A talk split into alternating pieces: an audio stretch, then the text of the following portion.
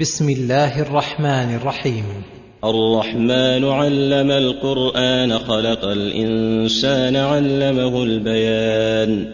هذه السورة الكريمة الجليلة افتتحها باسمه الرحمن الدال على سعة رحمته وعموم إحسانه وجزيل بره وواسع فضله ثم ذكر ما يدل على رحمته وأثرها الذي أوصله الله إلى عباده من النعم الدينية والدنيوية والأخروية.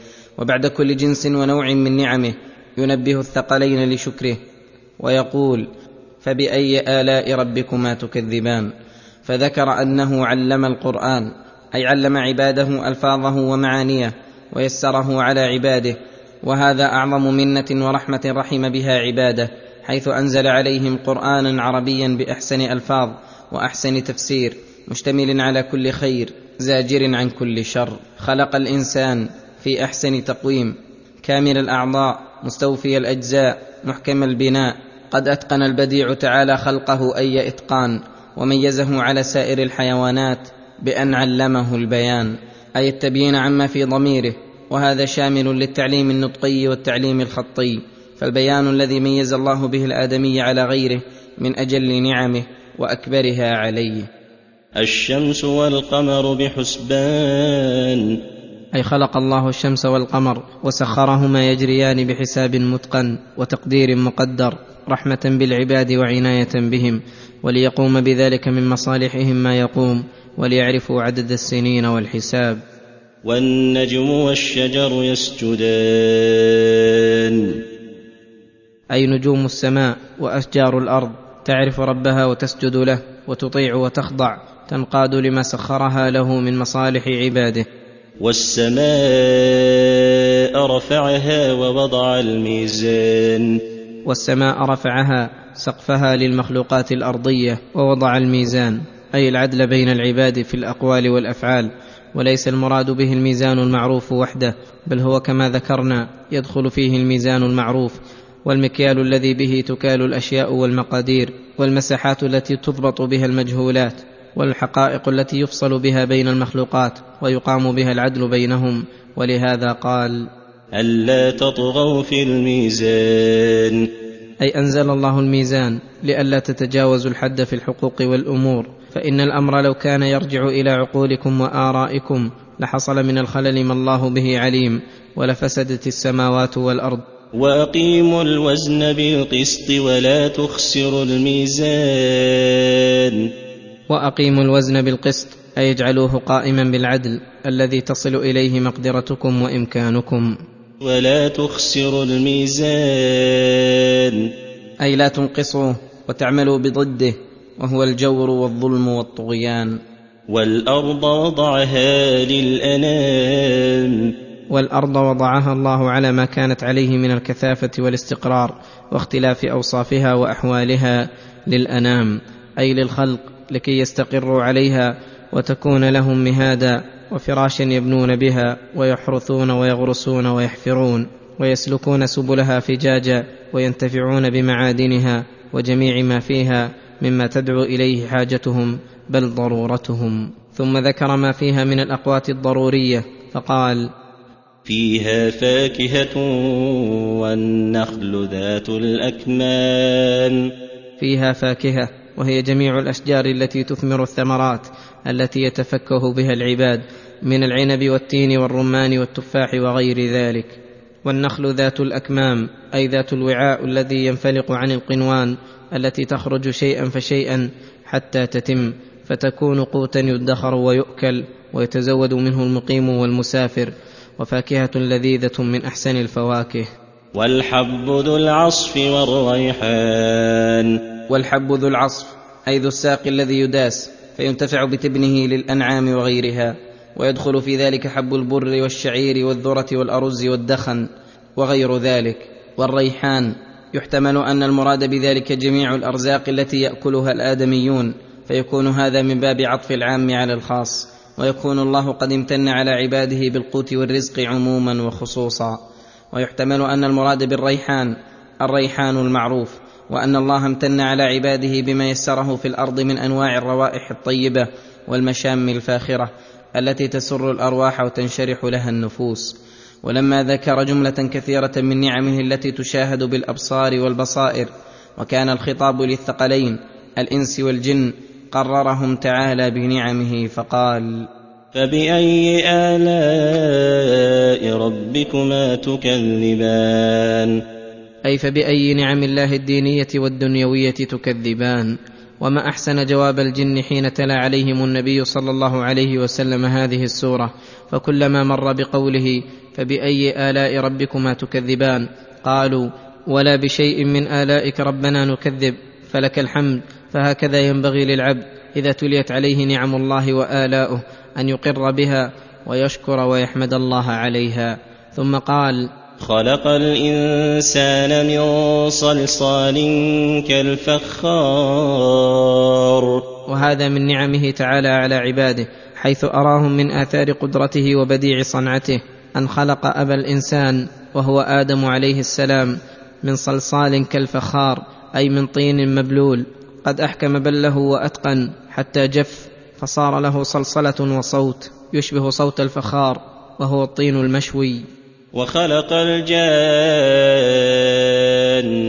من مارج من نار. وخلق الجان أي أبا الجن وهو إبليس لعنه الله من مارج من نار أي من لهب النار الصافي أو الذي قد خالطه الدخان. وهذا يدل على شرف عنصر الآدمي المخلوق من الطين والتراب الذي هو محل الرزانة والثقل والمنافع بخلاف عنصر الجان وهو النار. التي هي محل الخفة والطيش والشر والفساد. ولما بين خلق الثقلين ومادة ذلك وكان منة منه تعالى عليهم قال فبأي آلاء ربكما تكذبان؟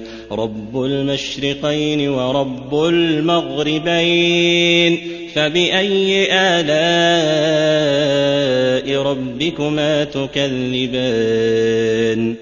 أي هو تعالى رب كل ما أشرقت عليه الشمس والقمر والكواكب النيرة وكل ما غربت عليه وكل ما كان فيه فهي تحت تدبيره وربوبيته وثناهما هنا لإرادة العموم مشرقي الشمس شتاء وصيفا ومغربها كذلك. مرج البحرين يلتقيان بينهما برزخ لا يبغيان فبأي آلاء ربكما تكذبان؟ يخرج منهما اللؤلؤ والمرجان فبأي آلاء ربكما تكذبان؟ المراد بالبحرين البحر العذب والبحر المالح فهما يلتقيان فيصب العذب في البحر المالح ويختلطان ويمتزجان ولكن الله تعالى جعل بينهما برزخا من الأرض حتى لا يبغي أحدهما على الآخر ويحصل النفع بكل منهما فالعذب منه يشربون وتشرب أشجارهم وزروعهم والمالح به يطيب الهواء ويتولد السمك والحوت واللؤلؤ والمرجان ويكون مستقرا مسخرا للسفن والمراكب. ولهذا قال وله الجوار المنشآت في البحر كالأعلام. فبأي آلاء ربكما تكذبان؟ أي وسخر تعالى لعباده السفن الجواري التي تمخر البحر وتشقه بإذن الله. ينشئها الآدميون فتكون من عظمها وكبرها كالأعلام وهي الجبال العظيمة فيركبها الناس ويحملون عليها أمتعتهم وأنواع تجاراتهم وغير ذلك مما تدعو إليه حاجتهم وضرورتهم وقد حفظها حافظ السماوات والأرض. وهذه من نعم الله الجليلة ولهذا قال فباي الاء ربكما تكذبان؟ كل من عليها فان ويبقى وجه ربك ذو الجلال ويبقى وجه ربك ذو الجلال والإكرام. أي كل من على الأرض من إنس وجن ودواب وسائر المخلوقات يفنى ويموت ويبيد ويبقى الحي الذي لا يموت. ذو الجلال والإكرام. أي ذو العظمة والكبرياء والمجد. الذي يعظم ويبجل ويجل لأجله والإكرام الذي هو سعة الفضل والجود والداعي لأن يكرم أولياءه وخواص خلقه بأنواع الإكرام الذي يكرمه أولياؤه ويجلونه ويعظمونه ويحبونه وينيبون إليه ويعبدونه. يساله من في السماوات والأرض كل يوم هو في شأن. فباي الاء ربكما تكذبان أي هو الغني بذاته عن جميع مخلوقاته وهو واسع الجود والكرم فكل الخلق مفتقرون إليه يسألونه جميع حوائجهم بحالهم ومقالهم ولا يستغنون عنه طرفة عين ولا أقل من ذلك وهو تعالى كل يوم هو في شأن. يغني فقيرا ويجبر كثيرا ويعطي قوما ويمنع آخرين ويميت ويحيي ويخفض ويرفع. لا يشغله شأن عن شأن ولا تغلطه المسائل ولا يبرمه إلحاح الملحين ولا طول مسألة السائلين. فسبحان الكريم الوهاب الذي عمت مواهبه أهل الأرض والسماوات وعم لطفه جميع الخلق في كل الآنات واللحظات. وتعالى الذي لا يمنعه من الإعطاء معصية العاصين ولا استغناء الفقراء الجاهلين به وبكرمه. وهذه الشؤون التي أخبر أنه كل يوم هو في شأن هي تقاديره وتدابيره التي قدرها في الأزل وقضاها. لا يزال تعالى يمضيها وينفذها في أوقاتها التي اقتضتها حكمته وهي أحكامه الدينية التي هي الأمر والنهي والقدرية التي يجريها على عباده مدة مقامهم في هذه الدار.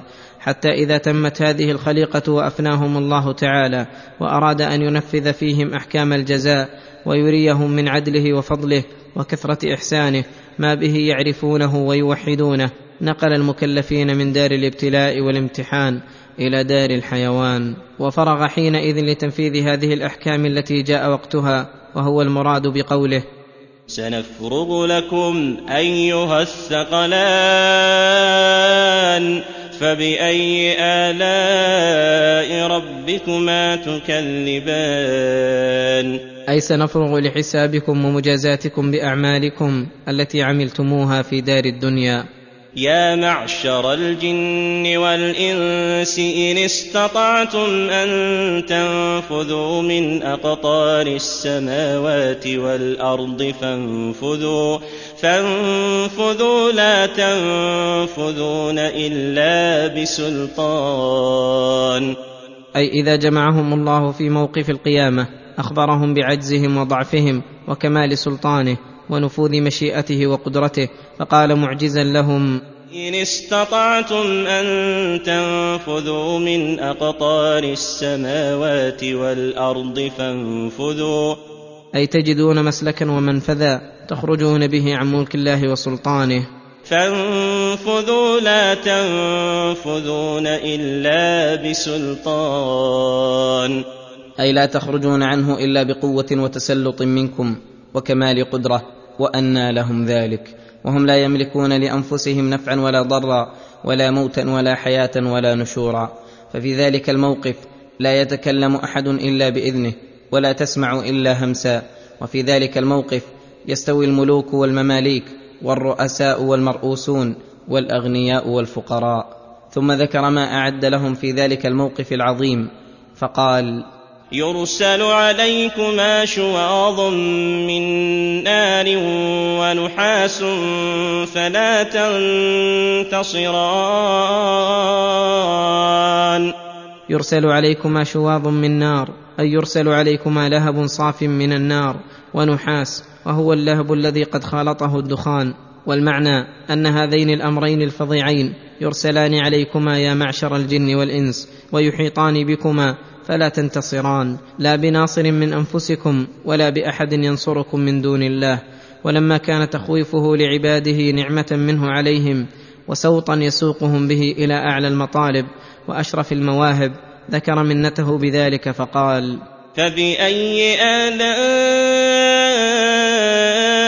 ربكما تكذبان؟ فإذا انشقت السماء فكانت وردة فكانت وردة كالدهان. فإذا انشقت السماء أي يوم القيامة من الأهوال وكثره البلبال وترادف الأوجال فانخسفت شمسها وقمرها وانتثرت نجومها فكانت من شدة الخوف والانزعاج وردة كالدهان أي كانت كالمهل والرصاص المذاب ونحوه. فبأي آلاء ربكما تكذبان فيومئذ لا يسأل عن ذنبه إنس ولا جان أي سؤال استعلام بما وقع لأنه تعالى عالم الغيب والشهادة والماضي والمستقبل ويريد أن يجازي العباد بما علمه من أحوالهم وقد جعل لأهل الخير والشر يوم القيامة علامات يعرفون بها كما قال تعالى يوم تبيض وجوه وتسود وجوه. وقال هنا يعرف المجرمون بسيماهم فيؤخذ بالنواصي. يعرف المجرمون بسيماهم فيؤخذ بالنواصي والأقدام. أي فيؤخذ بنواصي المجرمين وأقدامهم. فيلقون في النار ويسحبون فيها وإنما يسألهم تعالى سؤال توبيخ وتقرير بما وقع منهم وهو أعلم به منهم ولكنه تعالى يريد أن تظهر للخلق حجته البالغة وحكمته الجليلة. هذه جهنم التي يكذب بها المجرمون. أي يقال للمكذبين بالوعد والوعيد حين تسعر الجحيم. هذه جهنم التي يكذب بها المجرمون. فليهنهم تكذيبهم بها وليذوقوا من عذابها ونكالها وسعيرها وأغلالها ما هو جزاء لهم على تكذيبهم. يطوفون بينها وبين حميم آن. يطوفون بينها أي بين أطباق الجحيم ولهبها وبين حميم آن. أي ماء حار جدا قد انتهى حره وزمهرير قد اشتد برده وقره. فبأي آلاء ربكما تكذبان؟ ولما ذكر ما يفعل بالمجرمين ذكر جزاء المتقين الخائفين فقال ولمن خاف مقام ربه جنتان؟ أي وللذي خاف ربه وقيامه عليه فترك ما نهى عنه. وفعل ما أمره به له جنتان من ذهب آنيتهما وحليتهما وبنيانهما وما فيهما. إحدى الجنتين جزاء على ترك المنهيات والأخرى على فعل الطاعات. ومن أوصاف تلك الجنتين أنهما ذواتا أفنان. أي فيهما من ألوان النعيم المتنوعة نعيم الظاهر والباطن ما لا عين رأت ولا أذن سمعت ولا خطر على قلب بشر. أن فيهما الأشجار الكثيرة الزاهرة ذوات الغصون الناعمة التي فيها الثمار اليانعة الكثيرة اللذيذة. أي ذوات أنواع وأصناف من جميع أصناف النعيم وأنواعه جمع فن أي صنف. وفي تلك الجنتين فيهما عينان تجريان. عينان تجريان يفجرونهما على ما يريدون ويشتهون. فيهما من كل فاكهة زوجان. فيهما من كل فاكهة من جميع أصناف الفواكه زوجان أي صنفان كل صنف له لذة ولون ليس للنوع الآخر. متكئين على فرش بطائنها من استبرق وجنى الجنتين دان. هذه صفة فرش أهل الجنة وجلوسهم عليها وأنهم متكئون عليها أي جلوس تمكن واستقرار وراحة كجلوس الملوك على الأسرة. وتلك الفرش لا يعلم وصفها وحسنها إلا الله تعالى. حتى إن بطائنها التي تلي الأرض منها من استبرق وهو أحسن الحرير وأفخره. فكيف بظواهرها التي يباشرون؟ وجنى الجنتين دان. الجنى هو الثمر المستوي أي وثمر هاتين الجنتين قريب التناول يناله القائم والقاعد والمضطجع. فيهن قاصرات الطرف لم يطمثهن إنس قبلهم ولا جان. فيهن قاصرات الطرف أي قد قصرن طرفهن على أزواجهن من حسنهم وجمالهم وكمال محبتهن لهم وقصرن أيضا طرف أزواجهن عليهن من حسنهن وجمالهن ولذة وصالهن لم يطمثهن إنس قبلهم ولا جان. أي لم ينلهن أحد قبلهم من الإنس والجن بل هن أبكار عرب متحببات إلى أزواجهن بحسن التبعل والتغنج والملاحة والدلال. ولهذا قال كأنهن الياقوت والمرجان. وذلك لصفائهن وجمال منظرهن. وبهائهن. هل جزاء الإحسان إلا الإحسان؟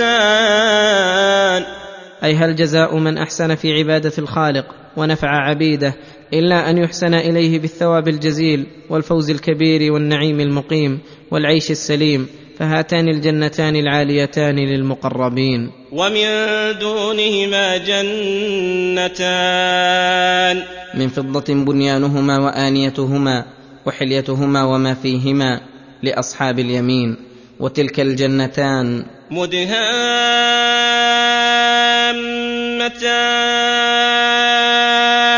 أي سوداوان من شدة الخضرة التي هي أثر الري. فبأي آلاء ربكما تكذبان؟ فيهما عينان. نضاختان أي فوارتان. فيهما فاكهة ونخل ورمان. فيهما فاكهة من جميع أصناف الفواكه وأخصها النخل والرمان واللذان فيهما من المنافع ما فيهما. فيهن خيرات حسان. فيهن أي في الجنات كلها. خيرات حسان أي خيرات الأخلاق حسان الأوجه. فجمعن بين جمال الظاهر والباطن وحسن الخلق والخلق. حور مقصورات في الخيام. أي محبوسات في خيام اللؤلؤ. قد تهيأن واعددن أنفسهن لأزواجهن. ولا ينفي ذلك خروجهن في البساتين ورياض الجنة كما جرت العادة لبنات الملوك المخدرات الخفرات. لم يطمثهن إنس قبلهم ولا جان فبأي آلاء ربكما تكذبان؟ متكئين على رفرف خضر وعبقري حسان. متكئين على رفرف خضر أي أصحاب هاتين الجنتين متكأهم على الرفرف الأخضر وهي الفرش التي تحت المجالس العالية التي قد زادت على مجالسهم فصار لها رفرفة من وراء مجالسهم لزيادة البهاء وحسن المنظر. وعبقري حسان. العبقري نسبة لكل منسوج نسجا حسنا فاخرا ولهذا وصفها بالحسن الشامل لحسن الصنعة وحسن المنظر ونعومة الملمس. وهاتان الجنتان دون الجنتين الأوليين كما نص الله على ذلك بقوله ومن دونهما جنتان وكما وصف الأوليين بعدة أوصاف لم يصف بها الأخريين فقال في الأوليين فيهما عينان تجريان وفي الأخريين عينان نضاختان. ومن المعلوم الفرق بين الجارية والنضاخة وقال في الأوليين ذواتا أفنان ولم يقل ذلك في الأخريين وقال في الأوليين فيهما من كل فاكهة زوجان وفي الأخريين فيهما فاكهة ونخل ورمان وقد علم ما بين الوصفين من التفاوت. وقال في الأوليين متكئين على فرش بطائنها من استبرق وجنى الجنتين دان ولم يقل ذلك في الأخريين بل قال متكئين على رفرف خضر وعبقري حسان. وقال في الأوليين في وصف نسائهم وأزواجهم فيهن قاصرات الطرف لم يطمثهن إنس قبلهم ولا جان. وفي الأخريين حور مقصورات في الخيام وقد علم التفاوت بين ذلك. وقال في الأوليين هل جزاء الإحسان إلا الإحسان؟ فدل ذلك أن الأوليين جزاء المحسنين ولم يقل ذلك في الأخيرتين. ومجرد تقديم الأوليين على الأخريين يدل على فضلهما فبهذه الأوجه يعرف فضل الأوليين على الأخريين وأنهما معدتان للمقربين من الأنبياء والصديقين وخواص عباد الله الصالحين وأن الأخريين معدتان لعموم المؤمنين. وفي كل من الجنات المذكورات ما لا عين رأت ولا أذن سمعت ولا خطر على قلب بشر. وفيهن ما تشتهيه الأنفس وتلذ الأعين وأهلها في غاية الراحة والرضا والطمأنينة وحسن المأوى حتى إن كلا منهم لا يرى احدا أحسن حالا منه ولا أعلى من نعيمه الذي هو فيه. ولما ذكر سعة فضله وإحسانه قال تبارك اسم ربك ذي الجلال والإكرام. أي تعاظم وكثر خيره الذي له الجلال الباهر والمجد الكامل والإكرام لأوليائه.